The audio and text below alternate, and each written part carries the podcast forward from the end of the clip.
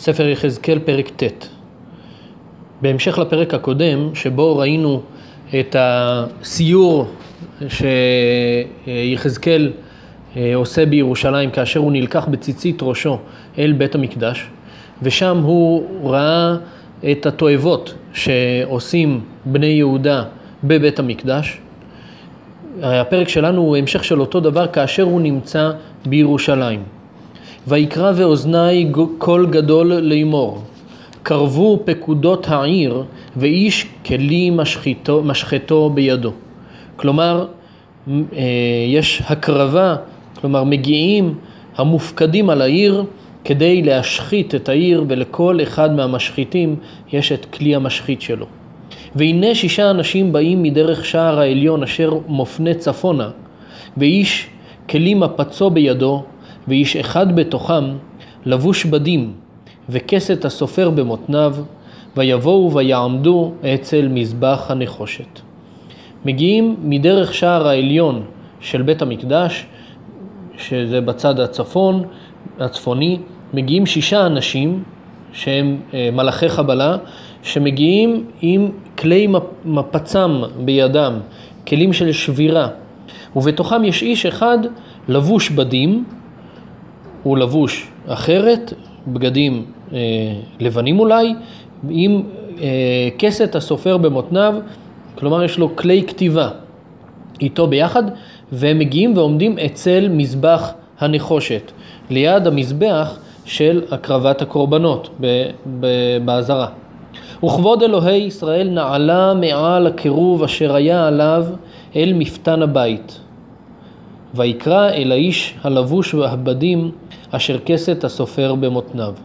אז אה, שני דברים קורים פה בפסוק הזה. הדבר הראשון זה המסע הראשון של השכינה, שהיא עוזבת את קודש הקודשים, את הקרובים, ומגיעה אל מפתן הבית, אל הכניסה של קודש הקודשים. והדבר השני שנאמר, אה, ציווי אל אותו איש לבוש בדים עם כסת הסופר. מה נאמר לו? ויאמר אדוני אליו, עבור בתוך העיר, בתוך ירושלים, והתווית תו על מצחות האנשים הנאנחים והנאנקים על כל התועבות הנעשות בתוכה. אותו איש לבוש בדים צריך עם כסת הסופר שבמותניו ללכת ולסמן תו, לסמן סימן. אה, הגמרא בשבת אומרת שלצייר את האות תו על המצח של אותם אנשים הצדיקים שהם נאנחים ונאנקים על התועבות שנעשות בירושלים. לסמן את הצדיקים. ולאלה, לאותם שישה אנשים אה, שהם הגיעו עם כלי מפצם בידם, ולאלה אמר באוזני, עברו בעיר אחריו, והכו, אל תחוס עינכם ואל תחמולו. זקן, בחור ובתולה, וטף ונשים תהרגו למשחית, ועל כל איש אשר עליו התו אל תיגשו, וממקדשי תחלו. ויחלו באנשים הזקנים אשר לפני הבית. אז נאמר להם לעבור בעיר אחרי אותו אה, איש לבוש הבדים שמסמן את הצדיקים ולהכרית את כל האנשים האחרים. את, לא לחוס ולא לחמול על כל יושבי ירושלים אה, פרט לאותם אה, אנשים הצדיקים. אמנם הגמרא בשבת מסבירה שגם הם הוכו בגלל שהם לא מיחו באנשי ירושלים. אנחנו כרגע נתמקד בפשט הפסוקים, כפי שמשמע אה, בפשט, שאותם צדיקים לא מוכים. ויאמר עליהם, טמאו את הבית, ומלאו את החצרות חללים צאו, ויצאו ויכו בעיר. באמת הם יוצאים, ונאמר להם לטמא את הבית, כלומר לא לחשוש לקדושה של אה, בית המקדש, אלא להכות ולהרוג גם בבית המקדש. ויהי כהכותם ונשאר אני.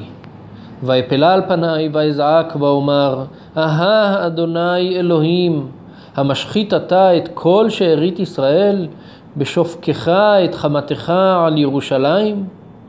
רואה יחזקאל שהוא היחיד שנשאר, כולם נהרגים. והוא פונה לקדוש ברוך הוא ואומר, ריבונו של עולם, אתה משחית את כל עם ישראל? ויאמר אליי, עוון בית ישראל ויהודה גדול במאוד מאוד, ותמלא הארץ דמים, והעיר מלאה מוטה, כי אמרו עזב אדוני את הארץ, ואין אדוני רואה. וגם אני, לא, לא תחוס עיני ולא אחמול, דרכם בראשם נתתי.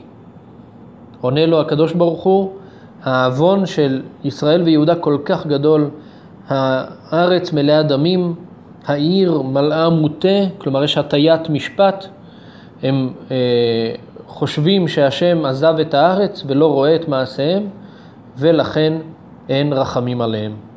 והנה האיש לבוש הבדים אשר הכסת במותניו, משיב דבר לאמור, עשיתי ככל אשר ציוויתני. כך הוא עונה, באמת עשיתי את הציווי. זה היה פרק ט' בספר יחזקאל.